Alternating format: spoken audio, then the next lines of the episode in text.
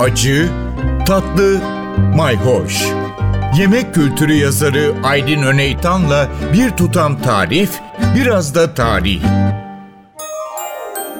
Merhabalar.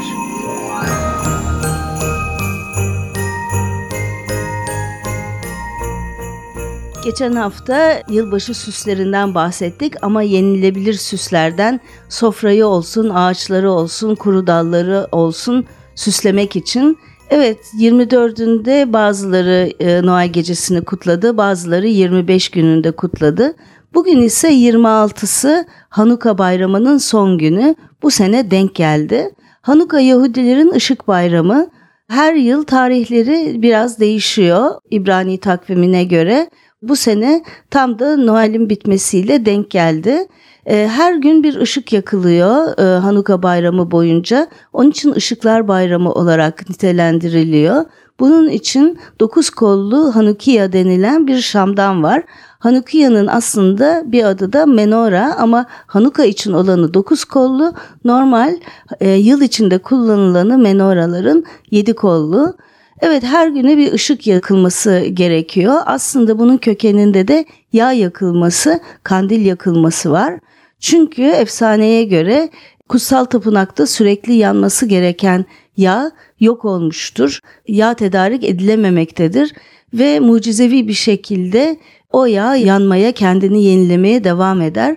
Onun için Yahudiler bu dönemde mutlaka yağda kızarmış yiyecekler yiyorlar. Örneğin Almanya'da pazarlarda da satarlar. Kartoffelpuffer vardır. Bir nevi patates mücveri.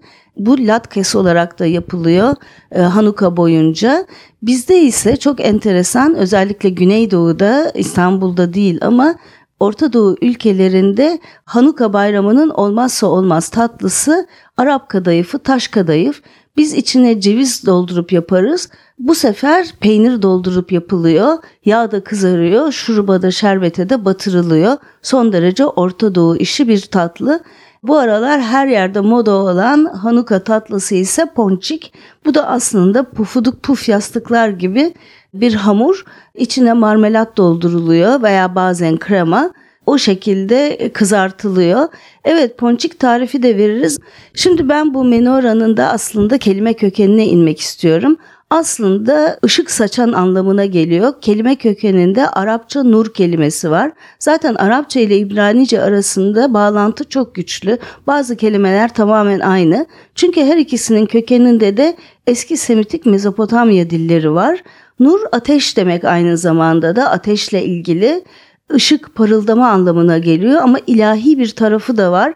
Aydınlanma anlamına geliyor.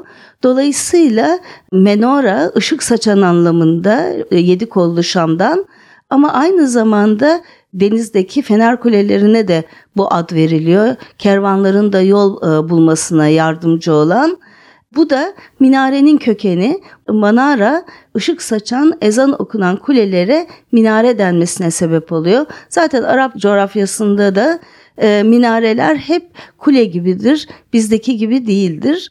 E, her iki dinde de ışık saçan, aydınlık veren hem de ilahi aydınlık veren menore ile minarenin böyle bir benzerliği var.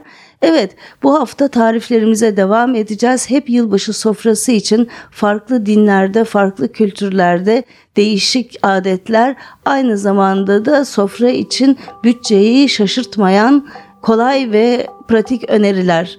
Takipte kalın, hoşça kalın. Bir tutam tarih, biraz da tarif. Aydın Öneytan'la Acı Tatlı Mayhoş Arşivi ntvradio.com.tr adresinde Spotify ve podcast platformlarında.